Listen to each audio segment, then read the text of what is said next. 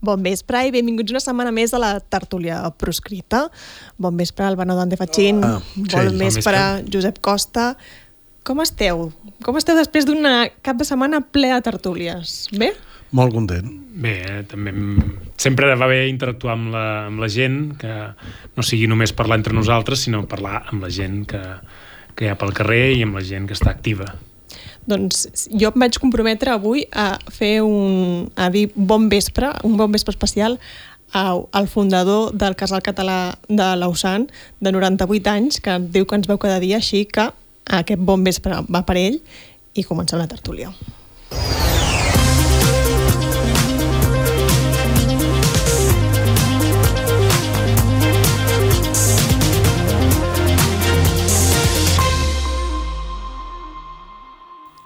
Ara estàvem comentant aquí que, que ells estan molt acostumats a, a viatjar per Catalunya eh, fent tertúlies, escoltant la gent. Jo no ho acostumo a fer tant, no? I aquest cap de setmana que vam anar al Casal Català de Lausanne i que vam anar a la Presó Model, eh, vam tenir molt de contacte amb molta gent i ens va arribar com moltes preguntes i, i notava que hi havia, per una banda, preocupació per la situació actual que hi ha, de què podem fer, què podem fer, però per l'altra banda que tothom estava que tothom que venia estava preparat per fer allò que li diguessin quan li diguessin, d'alguna manera, no?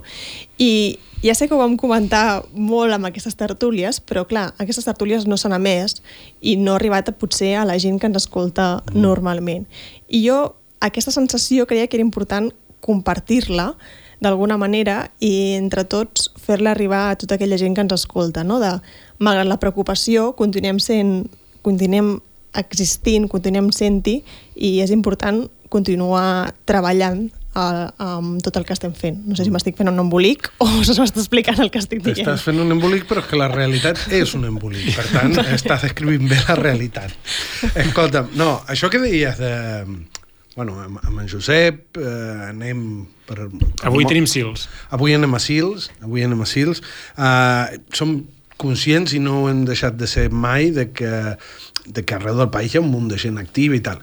A mi això ha estat la cosa que més m'ha preocupat sempre, la idea aquesta de, de que la gràcia de la Catalunya de la Catalunya del procés sobiranista era que justament havia molta gent pendent de la política, discutint de política, eh, amb la sensació de que, cal, de que la seva participació era important per la vida política del país. Això no, pa, no és lo normal en, en les societats.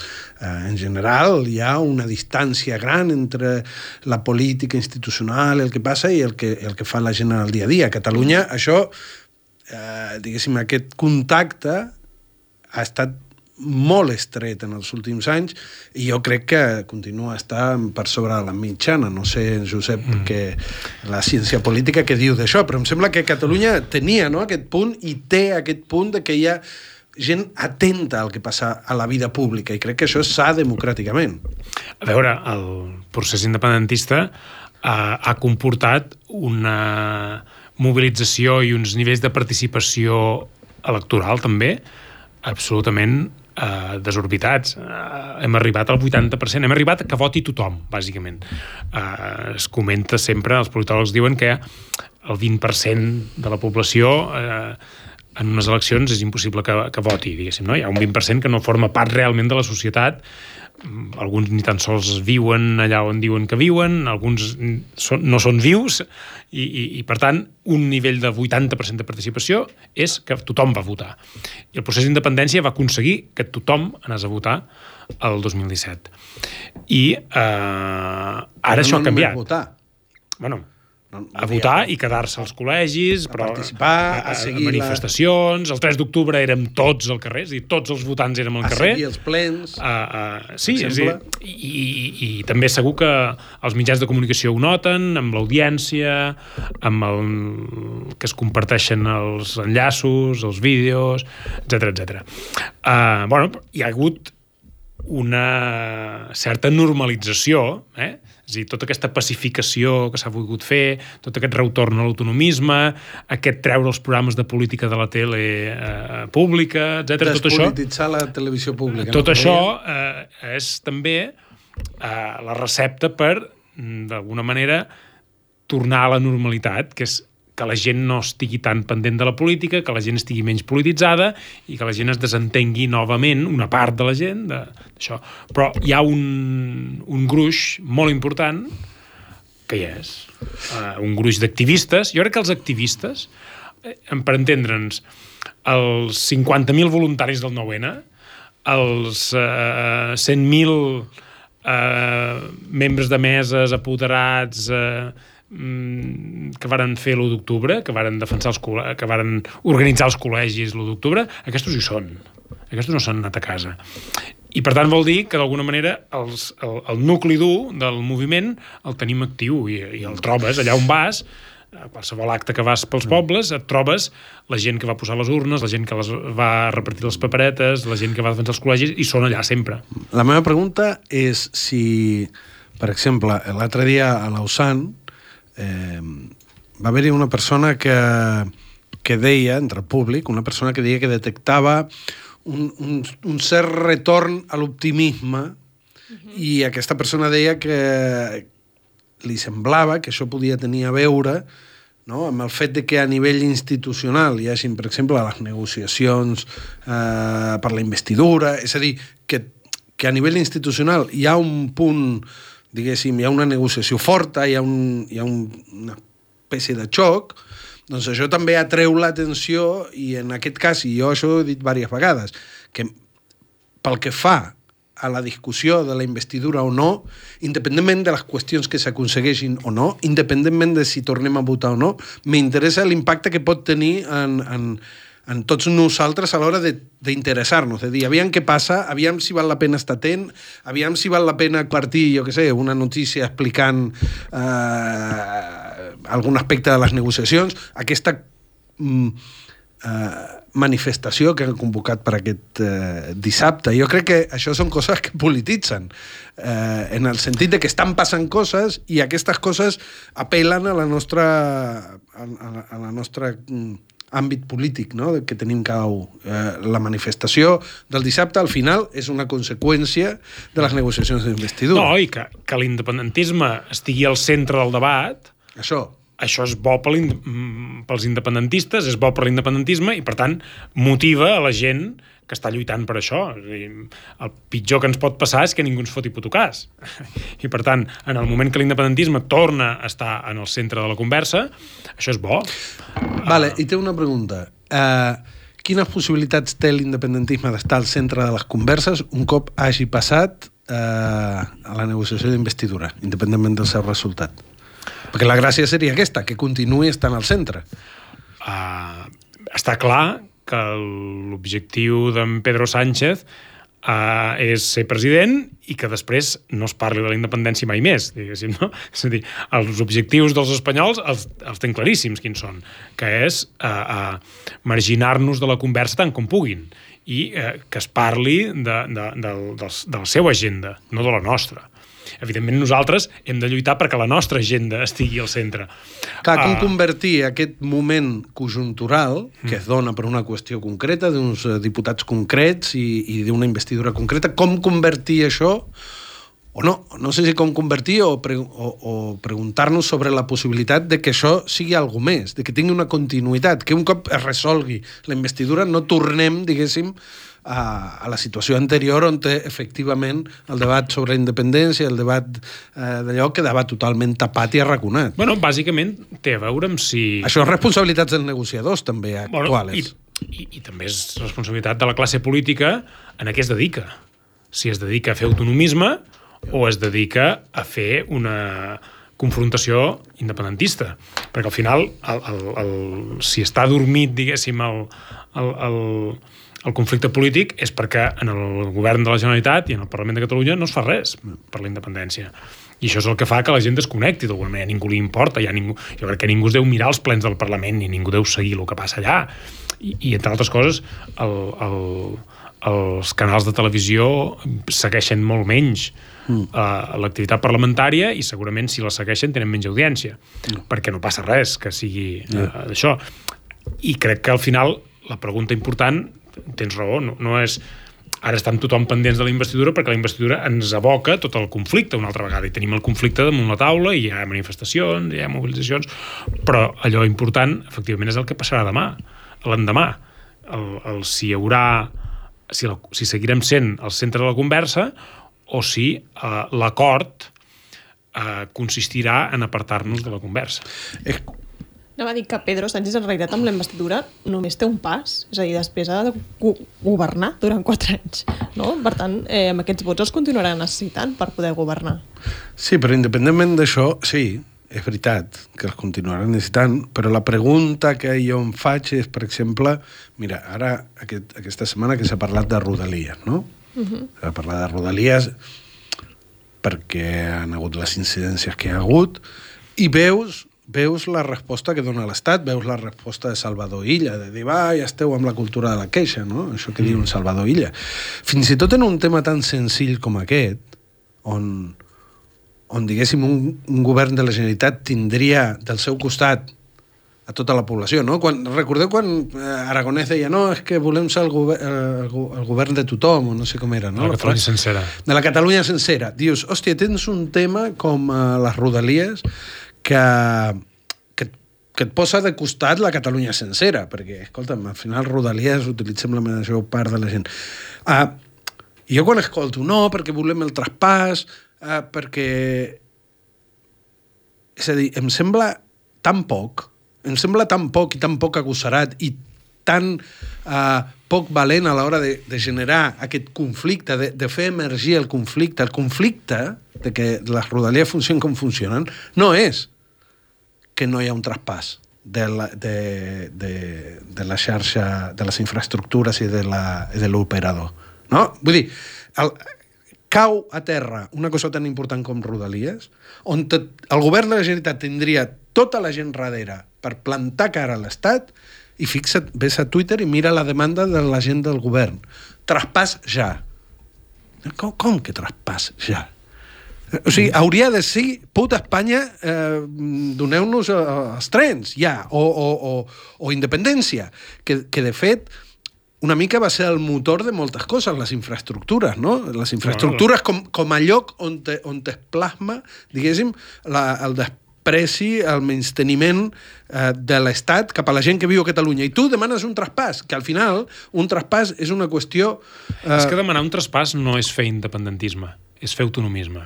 Ho hem, de dir, ho hem de dir clar, és a dir, i si l'endemà de la investidura es parla de traspassos i es parla de finançament i es parla d'infraestructures i es parla d'inversions i es parla de la, de l'Estatut i es parla d'aquestes coses, és fer autonomisme. És dir, la qüestió nacional pot estar al centre, però també eh, es pot eh, fer autonomisme amb la qüestió nacional. Mm. És a dir, i, i, i avui ens hem trobat no, que ha, ha sortit eh, eh, el president Pujol d'alguna manera a beneir eh, tota la, la, la, la part autonomista de tot plegat, no? És a dir, sí, hem de parlar de, de, de diners i d'infraestructures i d'inversions i de traspassos i de la identitat, sobretot parlar molt de la identitat. Això és el que feia ell durant 23 anys. Eh? És a dir, que, que ningú es pensi que per reivindicar eh, coses per Catalunya el peix al cova no és independentisme eh, però, però és reivindicació. Clar, però convertir una realitat, és a dir, la realitat és la que és i és, és, és material, és una realitat material. Els trens funcionen malament, els trens afecten a milions de persones cada dia. Mm, tu aquest problema políticament el pots tractar perquè al final un govern és per això, per decidir què fas amb els problemes. Un problema el pots tra tractar com a autonomisme. Ho dic perquè he sentit algun independentista dient no, això dels trens eh, és un debat caduc. No, eh, els problemes que generen els trens és un, és un problema que pateixen avui els catalans. Això ho pots enfrontar de manera autonomista o ho pots enfrontar de manera independentista. Dir, veieu com aquesta realitat és la, la conseqüència de, de que Catalunya segueixi estant dintre la, de l'estructura espanyola, aquesta és una, i l'altra és l'autonomisme. Ara bé, començo a pensar que fins i tot deu haver-hi dos tipus d'autonomisme, perquè mm, pot haver-hi un autonomisme que mínimament vagi a Madrid i porti un peix, i després hi ha un autonomisme que va a Madrid i ni tan sols porta el peix. No estic defensant el que porta el peix, però és que estic dient que estem en un tipus d'autonomisme que ni tan sols porta peix. En el sentit de que jo mm, eh, escoltava eh, en Juli Fernández, que era l'anterior Conseller. conseller, una entrevista a, a TV3, no en recordo quin programa era, era que ni tan sols els governants eren capaços de representar la indignació.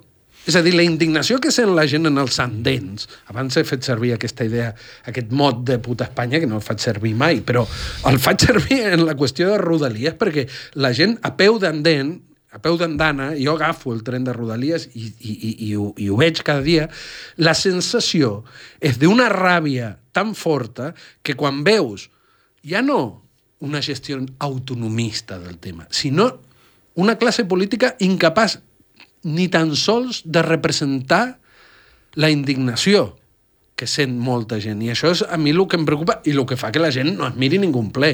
Escolta'm, eh, bueno, sembla que ara Aragonès ha convocat un ple eh, sobre el tema de Rodalies. No, jo- veurem, veurem, però... Jo crec que hi ha, hi ha una part que no, que no sé si, si és volguda o no és volguda, però jo crec que en els últims anys, a part de la monumental incompetència de la gent que ha governat, eh, també hi ha un problema d'una certa vergonya. És a dir, després d'haver fet l'1 d'octubre, anar a pidolar traspassos i anar a pidolar inversions a Madrid els hi hauria de fer caure la cara de vergonya.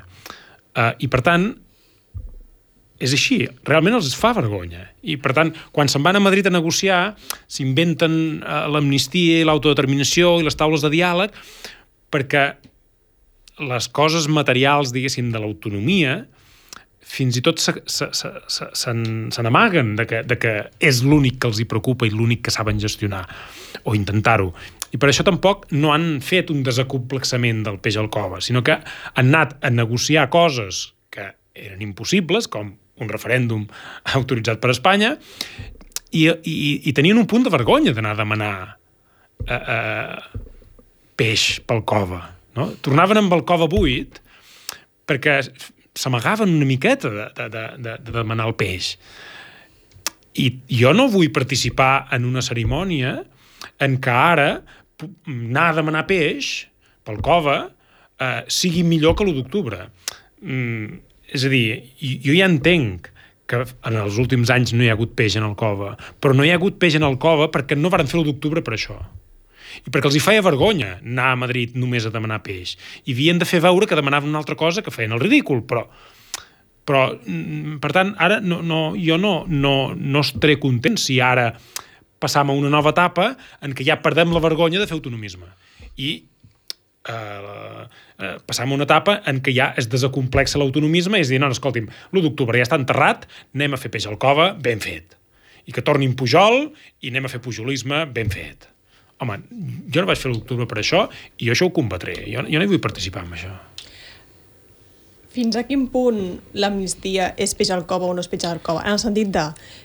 També aporta coses positives aquesta amnistia. Eh, aquesta... L'amnistia és passar pàgina de l'1 d'octubre. Sí, però també hi ha aquesta dicotomia que hi ha una gent que, que se'ls està castigant i eh, aquesta setmana el Germà Bel feia el seu primer article d'opinió VilaWeb i deia una cosa que a mi m'ha fet reflexionar i us sembla, si us sembla la llegeixo un moment perquè crec que ens pot fer reflexionar una mica a tots, no? però deia una de les coses que m'ha semblat més indignes del post-octubre del 2017 ha estat que s'hagi negociat la salvació d'un- d'una part mínima de l'alcomandament polític i civil de l'independentista amb els indults de Sánchez mentre s'ha deixat a l'estacada la tropa i abandonats i ferits presoners. Dono gran valor a corregir-ho. I aquesta amnistia seria corregir-ho, sense, segons eh, Germà Bel. I això és veritat, és a dir, amb els indults va haver una gent que acaba, va quedar abandonada i ara amb aquesta amnistia potser això és una correcció i aquesta gent no queda abandonada a, a la lliure sort, perquè sí, hi ha uns que tenen que potser tindran un final bé, però, però som, és molta gent, són 4.000 persones. Um, jo em sento abandonat perquè han renunciat a l'1 d'octubre i han renunciat a continuar lluitant. Això és l'únic abandonament que a mi m'importa.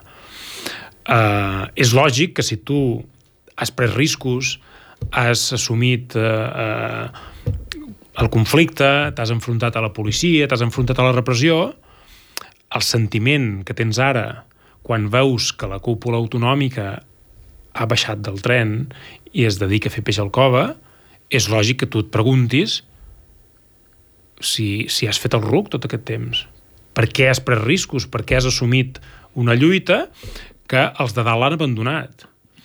I per tant, podem, podem veure d'aquesta manera que dius tu. És a dir, eh, els de dalt han abandonat la lluita i s'han buscat salvar el seu cul. I nosaltres què? Però el més important de tot per mi és si la lluita continua o no. Perquè si aquí l'amnistia va de que tots hem abandonat la lluita i per tant tots volem salvar el cul, doncs no era la idea.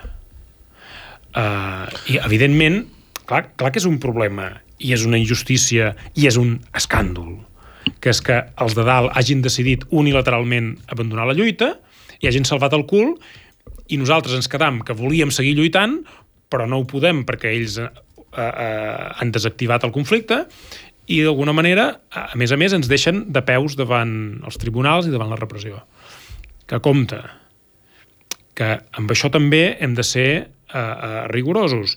No hi ha ningú a la presó. O sigui, hi ha molta gent que està eh, en processos judicials, molta gent que té sentències no fermes de presó i molta gent que té l'amenaça, no l'espasa de Moglis damunt el cap. Però aquesta setmana hem tingut una altra sentència de la sala d'apel·lacions del Tribunal Superior de Justícia que un eh, patriota que lluitava i que tenia una sentència de presó de 4 anys li han rebaixat per sota dels dos anys que ja no haurà d'anar a la presó.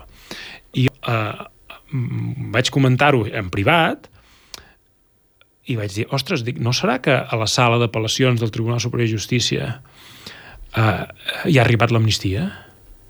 I resulta que totes les sentències de presó que arriben a la sala d'apel·lacions del Tribunal Superior de Justícia les rebaixen i ningú acaba anant a la presó?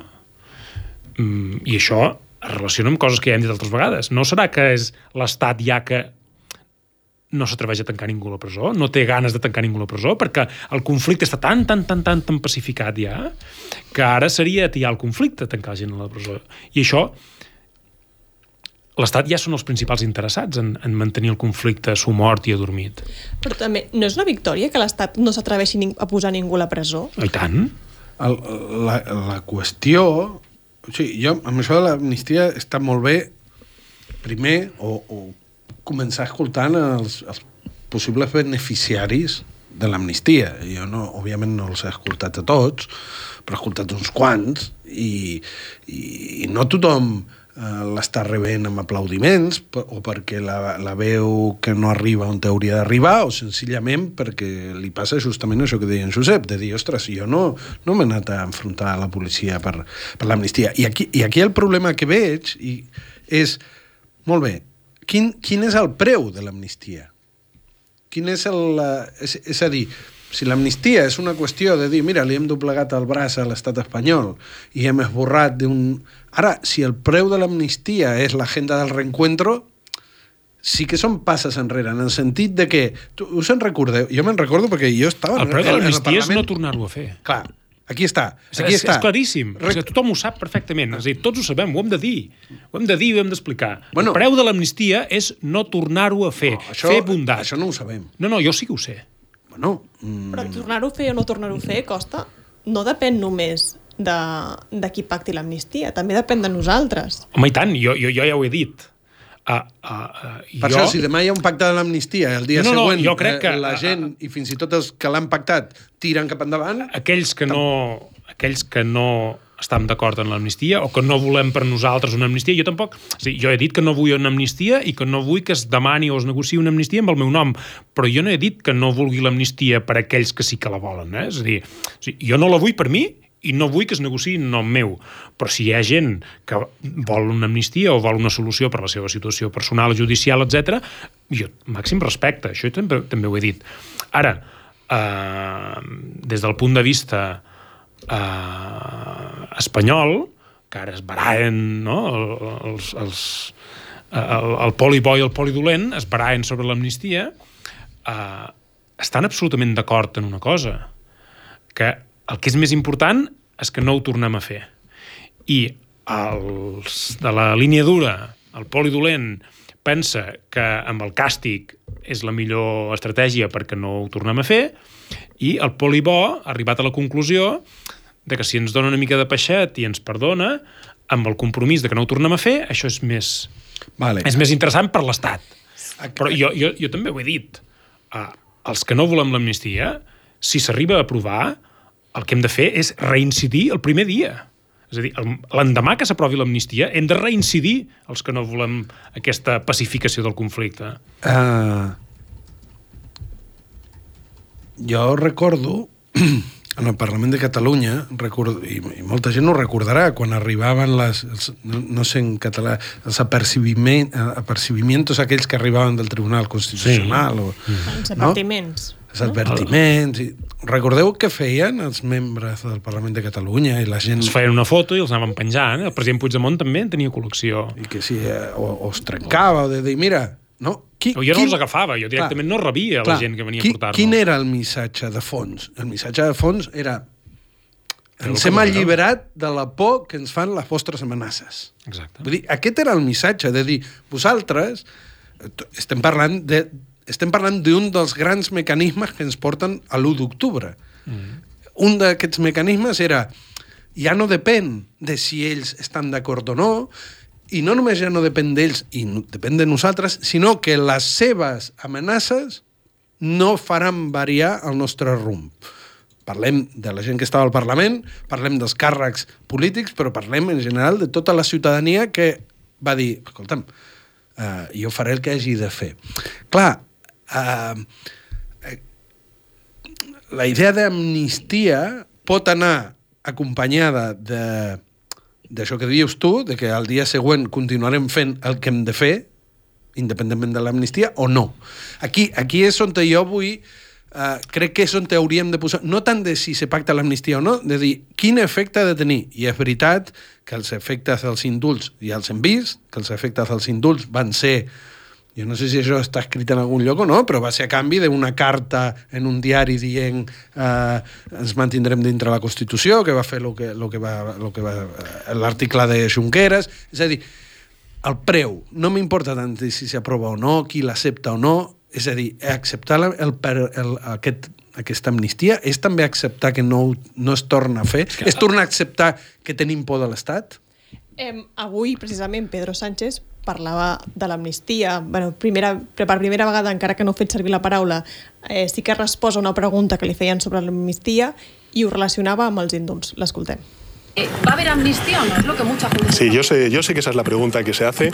Incluso me dicen por qué no, eh, no, no, no se refiere a ella directamente. Estamos negociando. Estamos negociando con los distintos grupos parlamentarios. Eh, creo que, lo dije además en mi anterior comparecencia, a ver, eh, cuando el gobierno de España aprobó los indultos, yo tenía una confianza en que contribuyera a la estabilidad, a la normalización eh, de la política en Cataluña. Hoy tengo la certeza de que fue una buena decisión y que por tanto obedeció a un interés general que es el interés al que debemos, digamos, de alguna manera velar, no solamente aquellos que tenemos el honor de liderar un país desde el Poder Ejecutivo, sino también todas las fuerzas parlamentarias. Por tanto, estamos negociando y cuando tengamos una posición concreta al respecto, después de reunirme con todos los grupos parlamentarios, fijaremos la posición del Partido Socialista. Això és un pas, entenc, en aquesta negociació, que Pedro Sánchez per primera vegada respongui una pregunta sobre l'amnistia i digui que estan negociant i suposo que no és casual que ho faci una setmana després de la investidura fallida de Feijó. Acaba de dir, o sigui, Pedro Sánchez ha dit, escolta'm, igual que els indults, nosaltres, el, Partit Socialista, eh, eh, veiem en l'amnistia la possibilitat, i ha dit dues coses, d'estabilitat de, i normalització de la política a Catalunya. Estabilitat i normalització en el llenguatge del PSOE vol dir que els catalans deixen de molestar, de, eh, accepten la seva pertinença al marc constitucional, etc etc. És la pau autonòmica. Ara bé, que ell doni l'amnistia amb aquest objectiu no vol dir que, que, que l'altra part accepti que aquest és el preu. Ah. És a dir, eh, en ningú lloc està escrit que acceptar l'amnistia és acceptar l'estabilitat i la normalització. Òbviament, Pedro Sánchez diu jo crec que amb l'amnistia aconseguirem estabilitat i normalització, però Jo- això no està escrit. Per això... Jo, jo crec que hi ha una certesa, que és que quan en Pedro Sánchez dona els indults és perquè li han garantit pau autonòmica. I quan... Bueno, aquesta, aquesta pau, I quan pau ara garantida s'està està per escrit. Quan ara s'està negociant si hi ha amnistia o no, eh, el que hi ha en discussió és si hi haurà pau autonòmica després de l'amnistia com hi va haver després dels indults. És a dir, si continuarà, si l'amnistia servirà perquè es consolidi la pau autonòmica definitivament. Aquesta és l'única discussió que té ara en Pedro Sánchez en el seu en, en, en, la, en la seva estratègia negociadora. És a dir, els indults han estat un èxit, ho ha dit, és a dir, ho diu, els indults han estat un èxit espaterrant, té raó, els indults han portat pau autonòmica i estabilitat per a Espanya, i sotmetiment i humiliació per nosaltres, això és evident, i que també eh, ara l'amnistia és la segona part.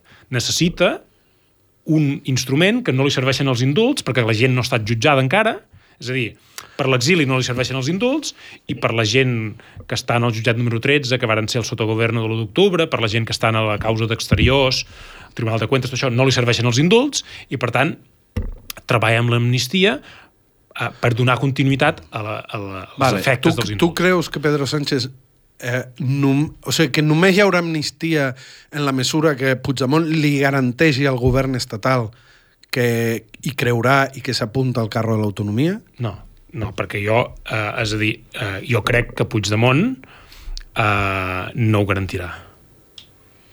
Però tampoc ho va garantir en Jordi Cuixart i li varen donar l'indult. Però sí que ho va garantir Junqueras. I, no, no, no, perdó. En Jordi Cuixart, perquè és un bon exemple, és a dir, en Jordi Cuixart es va passar, diguéssim, des de la presó, quan li varen demanar, per exemple, la, seva parer, la seva posició sobre l'indult, ell va anar al Tribunal Suprem, va fer un escrit i va dir no, jo ho vull tornar a fer. És a dir, jo no vull l'indult, jo ho vull tornar a fer, però li van donar igual. Per què? Perquè tots els altres havien garantit la pau autonòmica. I què va passar després? I també ho vull recordar, perquè crec que ens, és una mica el, el, el, el, el test de tot com ha anat. Uh, en Jordi Cuixart va sortir de la presó, uh, va participar, diguéssim, perquè així ho ha explicat, no? És a dir, va, va haver tota una dinàmica de reunions i de negociacions entre els partits independentistes que diuen que van estar a punt d'arribar a un acord per, per fer un full de ruta endavant i tot plegat, i arriba un punt que en Jordi Cuixart arriba a la conclusió que no ho tornarem a fer que els, els, tots els altres actors han pactat amb l'Estat que no ho tornaran a fer. I ell, que vol tornar-ho a fer, diu uh, fins aquí arribat. I és quan plega d'Òmnium i convida els altres a plegar també, perquè això mm, també és important. Molta gent ho ha volgut oblidar, convenientment.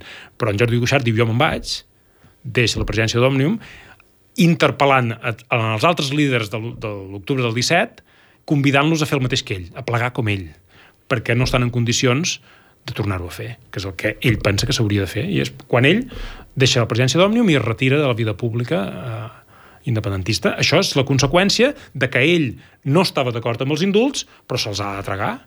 I els efectes constata que tots els altres actors els han assumit. Per tant, eh, el president Puigdemont mm, es pot trobar en una situació com en Jordi Cuixart, perfectament, que ell eh, eh, no consenteixi una eh, rendició explícita com a condició dels, de l'amnistia, però que tots els altres la firmin. Que és el que va passar amb els indults. Però sembla que és ell qui està portant les negociacions. Per tant, en aquest sentit, eh, si, si està liderant ell les negociacions, com es diu, eh, no tindria sentit que això passés.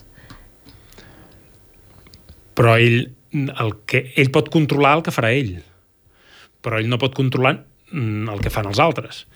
El que fan els altres eh, partits, el que fan els altres eh, encausats, etc etc. Per tant, jo puc imaginar-me, jo puc perfectament imaginar-me que en Pedro Sánchez pugui concedir l'amnistia encara que el president Puigdemont no li garanteixi pau autonòmica, si tots els altres afectats i beneficiats per l'amnistia sí que li garanteixen. Jo, eh, en aquest cas tinc el dubte de, molt bé, eh, els, és a dir, els indults el van pactar, no? si es van pactar, mm, uns diuen que sí, els altres diuen que no, eh, als líders polítics. I, per tant, ells van pactar que a la, a la política hi hauria pau, Exacte. però no poden controlar el carrer. I, per tant, ara aquest, aquesta amnistia el que fa és voler pau al carrer.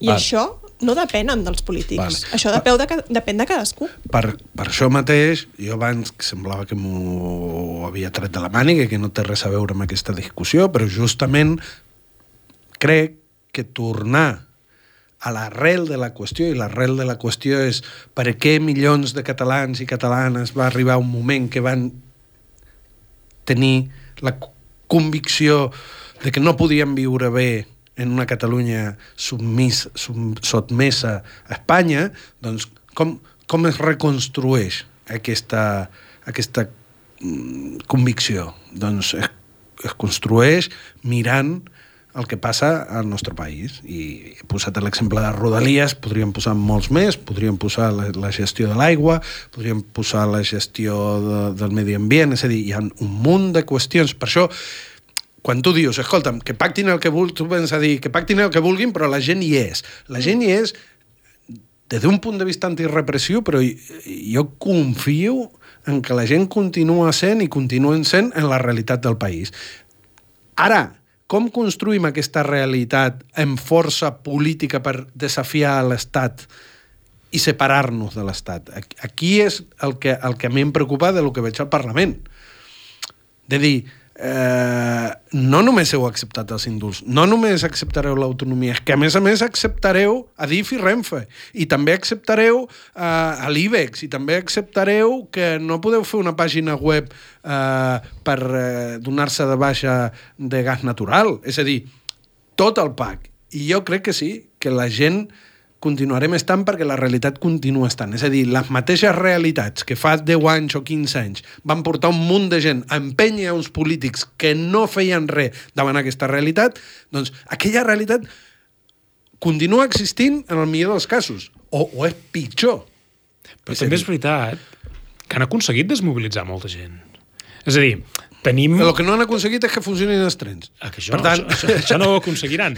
Però, bueno, pues, eh, haurem d'aquest Però- problema convertir-lo en, en matèria política. però la, la, I, i, i, i convertir-ho en matèria política vol dir acceptar que això no ho canviarà No, però- cap peix al cova. la rendició dels líders té uns efectes també en la, en la, en la gent de base.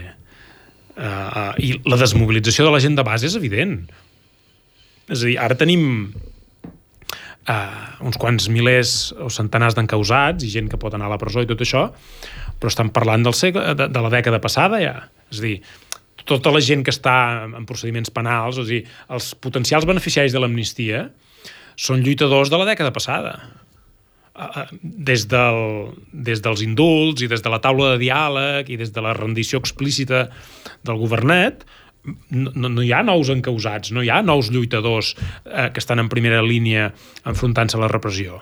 Uh, uh, per tant, és evident que aquesta deriva uh, aquesta pau autonòmica també té efectes als carrers. Vale. Però I- i- i- la feina d'aquests 50 o 100.000 que deies, la feina d'aquests serà justament dir, senyors, confiem en nosaltres mateixos com a actors polítics per canviar aquesta realitat. Mm. Aquesta, I jo crec que aquestes 50.000 són les que han d'aconseguir això. I, i, i, I la primera feina és preguntar-nos, tots i cada un de nosaltres, si creiem o no que el que puguem fer, ja sigui en una manifestació, o anant a repartir pamfletos, o compartint vídeos, serveix per canviar el futur de Catalunya o no. Aquest és el... I crec que, després del que ha passat aquests anys, certament molta gent pensa que no, i d'aquí també deu venir la desmobilització.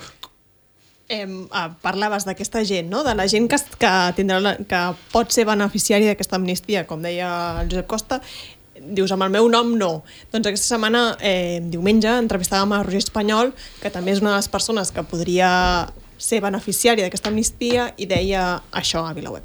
Quan van demanar l'amnistia ja sabien que una de les possibles condicions que posaria l'estat espanyol en realitat no se m'ocorreix cap més que pugui demanar l'estat espanyol, sigui eh, l'amnistia també pels seus policies amnist eh, encausats. No? Per tant, eh, no ho entenc. La veritat és que no ho entenc. Eh, I és molt pervers, o em sembla a mi molt pervers, que s'entri ja dins d'aquesta negociació, no? que demanant una amnistia sàpiguen que la, davant de l'estat espanyol posaran en una banda 4.000 represaliats i a l'altra 50 i pico policies que tenim acusats. No? Em fa mal, perquè portem sis anys treballant amb el judici, portem molta feina feta, moltes hores invertides en l'esclariment de les imatges, en fer peritatges, també molts diners invertits per, per fer aquests peritatges, i ara una amnistia que pugui deixar tot això en, en res, no? que no serveixi per res, ni per l'independentisme, ni per la lluita de les bales de goma, com deia abans, doncs em sembla completament injust. ell ho diu clar, ell vol arribar fins al final en aquest judici eh, perquè no volen que, que l'amnistiïn l'altra part, que són els policies. És que, clar, tu explica-li a en Roger Espanyol que tota la seva lluita abans i després de l'1 d'octubre no ha servit per res. Sí, sí, clar. És, és, a dir, és que és aquesta dicotomia que estem parlant tota l'estona, no? Eh, jo no tinc clar si estic a favor o no estic a favor de l'amnistia, de dir, és que és molt complicat a tota l'estona perquè penses, vale, sí, personalment, però clar, en aquest cas Roger Espanyol diu, no, personalment jo vull arribar fins al final. Per tant, eh, Bueno, per, per això jo estic reivindicant precisament, primer, el que he dit abans, escoltar els beneficiaris o directes, no? En Roger Espanyol probablement és, és una de les persones que ha patit diguéssim, la- l'acció de l'estat espanyol amb, amb més contundència, no? Per tant, escolta'm, ell ha parlat prou clar. Jo el que dic, quan tu deies, ostres, és que no sé si estic a favor o no, em sembla conjuntural. O, o com a mínim vull que sigui conjuntural. Escolta'm, eh, és veritat, com diu en Josep, que si hi ha un, una lletra petita que obliga a tothom a tornar a fer autonomisme del, de, del més cutre, doncs és veritat que l'aut... Però, però això no és l'amnistia, això és la, la cara B de l'amnistia. És el, preu, jo, és el preu polític és de el preu l'amnistia. polític. Bueno, però jo, per això ho dic, que, que estem centrant això de l'amnistia sí o no, i això és un debat que se'ns pot acabar molt aviat. Per tant, a mi l'únic que em preocupa de l'amnistia és si dificulta que seguim eh, lluitant. I, I crec que mm, no depèn exclusivament de l'amnistia. Pot bueno. haver-hi una amnistia que no sigui eh, un factor desmobilitzador? Pues potser sí, potser... Escolta, mira, els hem arrencat una amnistia, els som obligat a tal, i ara farem tal i reincidirem. A més a més, reincidirem en tot el que... De... Vale, aquesta és una possibilitat. Uh, no ho sé, jo és, és que estic a l'espera, estic a l'espera perquè, perquè, No, jo- jo- perquè jo- el que diu en Josep té molt de sentit, crec també. Que, eh, qui, quin és l'objectiu d'Espanya quan posa l'amnistia damunt la taula? Està però quin és clar. el nostre? És a dir, el d'Espanya ja ho sabem, ho ha dit Pedro Sánchez. La qüestió és, els que estan negociant acceptaran que aquests siguin els objectius? És Cada un té els seus. Aquí hi ha una cosa, Quin molt, és l'objectiu aquí hi ha una cosa molt nostres? evident, que és aquí que està. Aquí la és demanda pregunta. de l'amnistia no ha és- sortit del carrer. Vale. Bueno, ells te diran que vam sortir tots amb els cartellets, però no.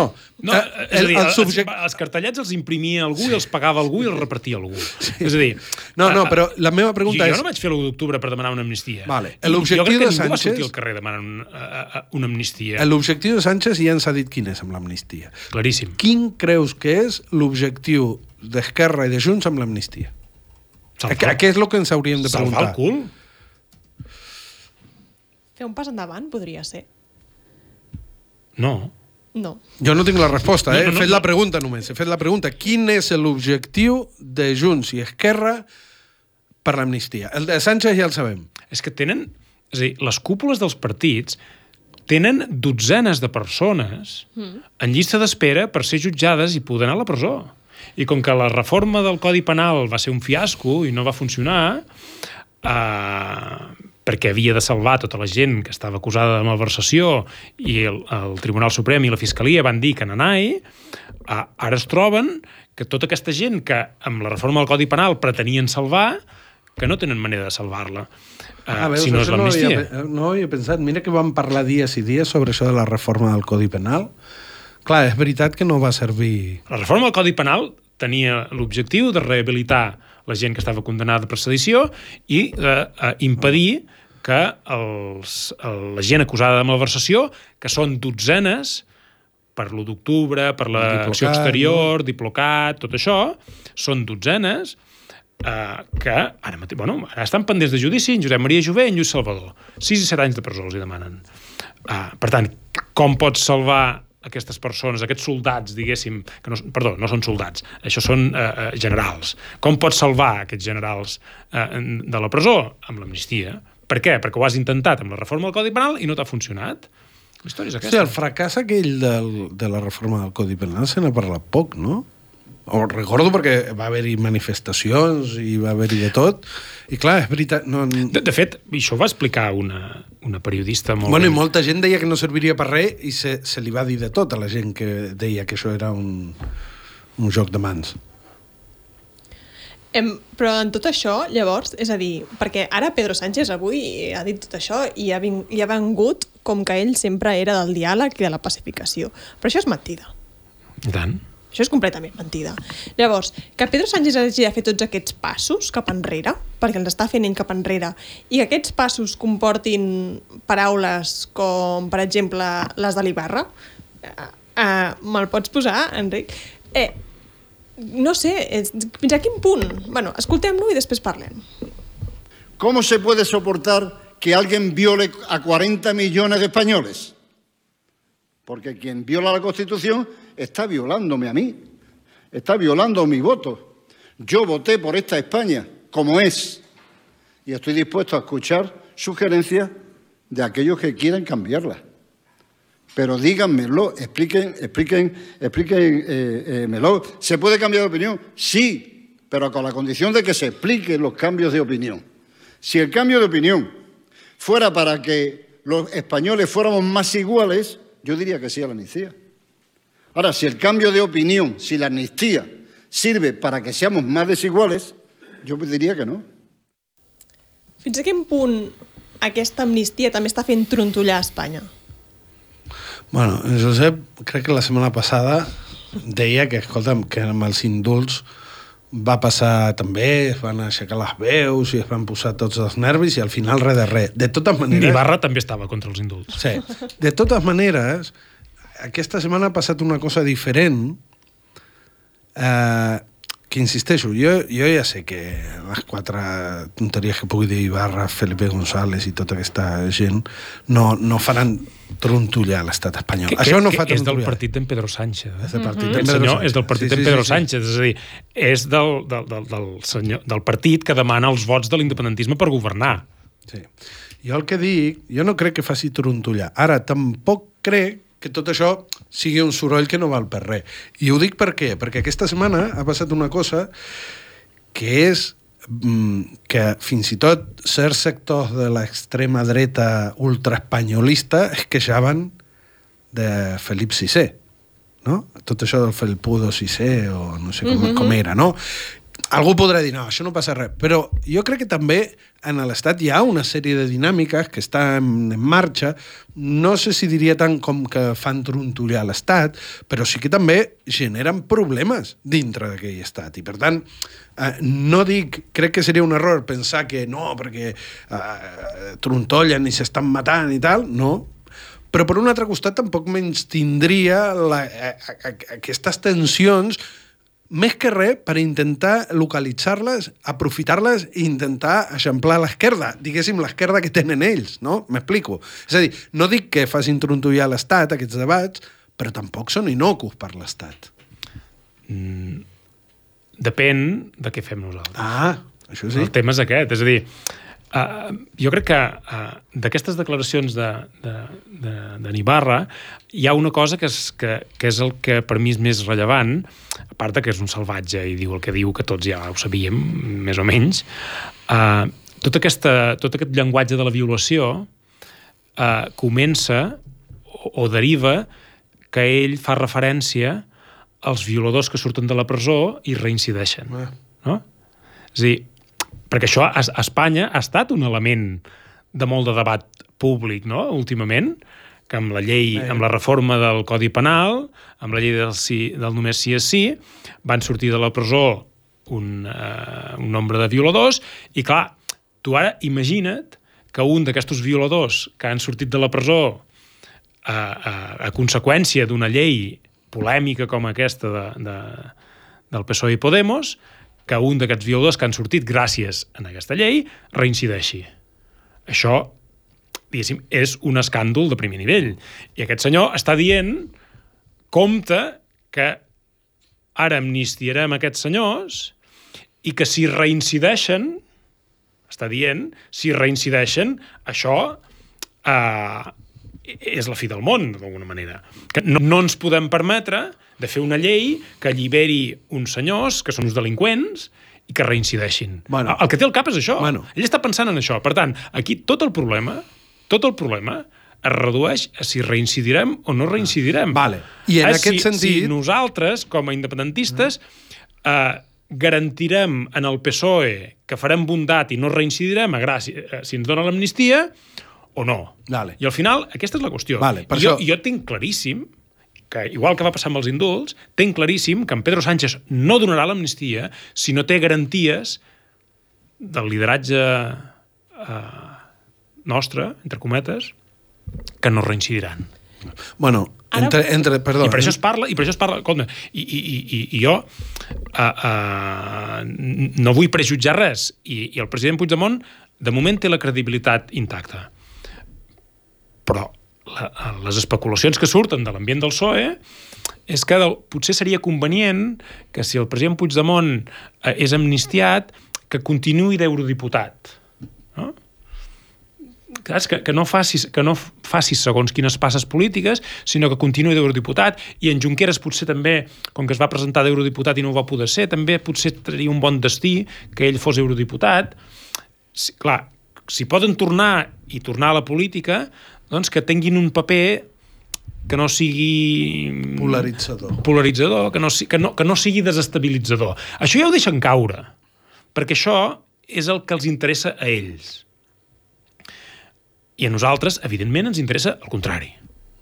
Ens interessa reincidir, ens interessa que el conflicte s'intensifiqui, que la confrontació, d'alguna manera, finalment es tradueixi en alguna cosa, perquè el que vol Espanya que passi, ja ho sabem, és el que ha passat dels indults fins ara. És dir, ja tenim dos anys llargs. Ha fet, fa més de dos anys dels indults. I ja, ja, ja sabem el preu pagat pels indults i l'èxit que n'ha tret el PSOE de donar-los. I és evident que ja saben quin és l'efecte desmobilitzador, desmoralitzador de, de, de tot el que s'ha pactat. I, per tant, si l'amnistia és una socialització, no? És a dir, si al final per això mm, l'argument aquest d'en Germà Bel, no? de que dir, bueno, hem salvat els generals i la tropa què, si ara el que fem és ampliar l'abast dels indults i, per tant, fer un indult per tothom, eh, a mi el que em preocupa és que tingui l'efecte d'acabar de dormir-ho tot, d'acabar de dormir tot el conflicte. I, I el que vull, el que ens cal, és reincidir, tornar-ho a fer. Ara, mm, sentint el Costa, m'he anat a buscar una entrevista que vaig fer a l'agost a Carles Boix i, i on ell parlava de l'amnistia i afegia una cosa que crec que donem per fet que l'amnistia és la pacificació, no? I ell deia, hi ha qui diu que és rendir-se, però també es podria interpretar que l'amnistia et diuen que si ho tornes a fer no passa res i, per tant, el que vas fer està bé. Per mi és la segona, una amnistia de veritat que ens diu que en el futur ho podrem tornar a fer. És una altra visió, també, de l'amnistia. No? Potser? Bueno, això seria una amnistia de veritat. El que mm. estic argumentant és que no serà això. Vale, vale, però vull dir que podríem... I tant. No, no, És i és una mica el que ha dit l'ANC. L'ANC ha dit, home, si ens donen l'amnistia, que estan dient que l'1 d'octubre no va ser delicte, doncs, escolti'm, anem a proclamar la independència al Parlament l'endemà. Si, no és deli... si, si ens han amnistiat per haver-ho fet, doncs, escolti'm, tornem-ho a fer. Per tant, aquí Però em la, sembla que ningú ho ha comprat, això, de l'ANC. la clau serà què diu aquest text d'amnistia. Per tant, podem estar debatint molt, però fins que no tinguem aquest text, no... Bueno, i, i, i jo crec que la clau serà què fem nosaltres, perquè jo ara escoltava Ibarra mm, exactament el mateix, però amb unes altres paraules, és el que ha dit Salvador Illa sobre l'amnistia. Escolti'm, vostè vol amnistia, vostè no ho torni a fer. Fixa't que Ibarra fins i tot diu, escolta'm, que depèn com una amnistia, jo l'acceptaria. L'accepta sota el supòsit de que tal. Per tant... Si li garanteixen que no hi ha reincidència, ah, l'accepta. per- Això és el que està dient. Vale, per, per, per això també em fa una mica de, de gràcia com ens posem les mans al cap per les coses que diu Felipe o Ibarra quan són les mateixes coses amb diferent to que el que diu Pedro Sánchez i el que diu Salvador Illa. I en Montilla. I en Montilla, però bueno, Montilla... Eh, però Salvador Illa és el cap de l'oposició en el Parlament de Catalunya i campa a sus anchas, i quan dic campa a sus anchas vull dir que fa i desfà, eh, vull dir que s'ha convertit en una veu d'aut... Perdó, que l'independentisme ha permès que Salvador Illa i les seves mm, vacu vacuïtats eh, tinguin una cert, un cert toc d'autoritat. Jo insisteixo, me- he comès l'error d'escoltar una mica del debat de política general i una mica en aquest últim ple eh, que s'ha parlat de diversos temes i de veritat estic al·lucinat amb el, el liderat independentista com ha deixat un lloc tan gros com perquè Salvador Illa existeixi. Parlant de Salvador Illa, avui deia el 2019 es va acordar una taula de diàleg entre catalans i no s'ha obert. I he pensat, ostres, té...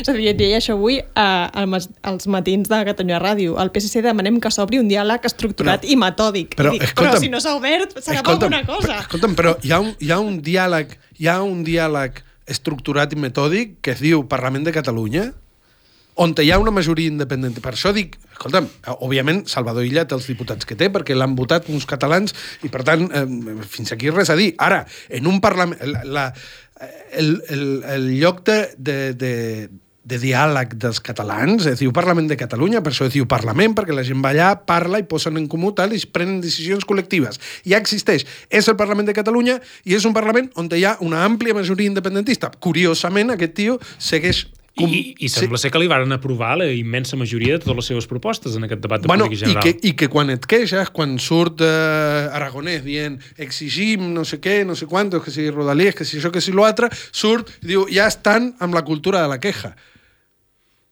Què dius?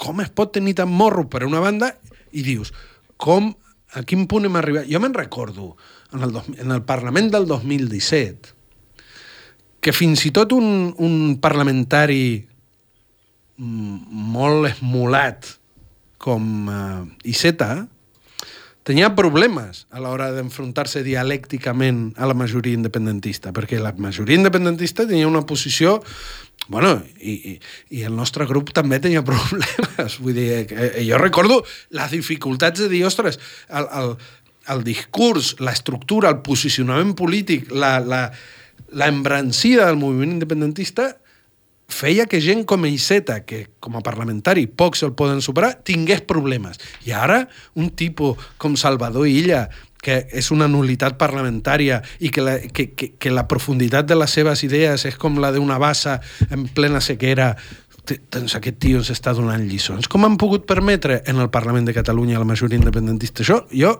a sobre ens donen lliçons. Eh? La cultura de la encara, queja. Encara es posen la medalla de que Ciutadans ha desaparegut i que a, a, a, ara tenen en Salvador Illa. Eh?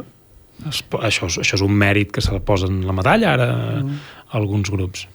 Doncs s'acaba el temps, continuarem parlant de Salvador Illa.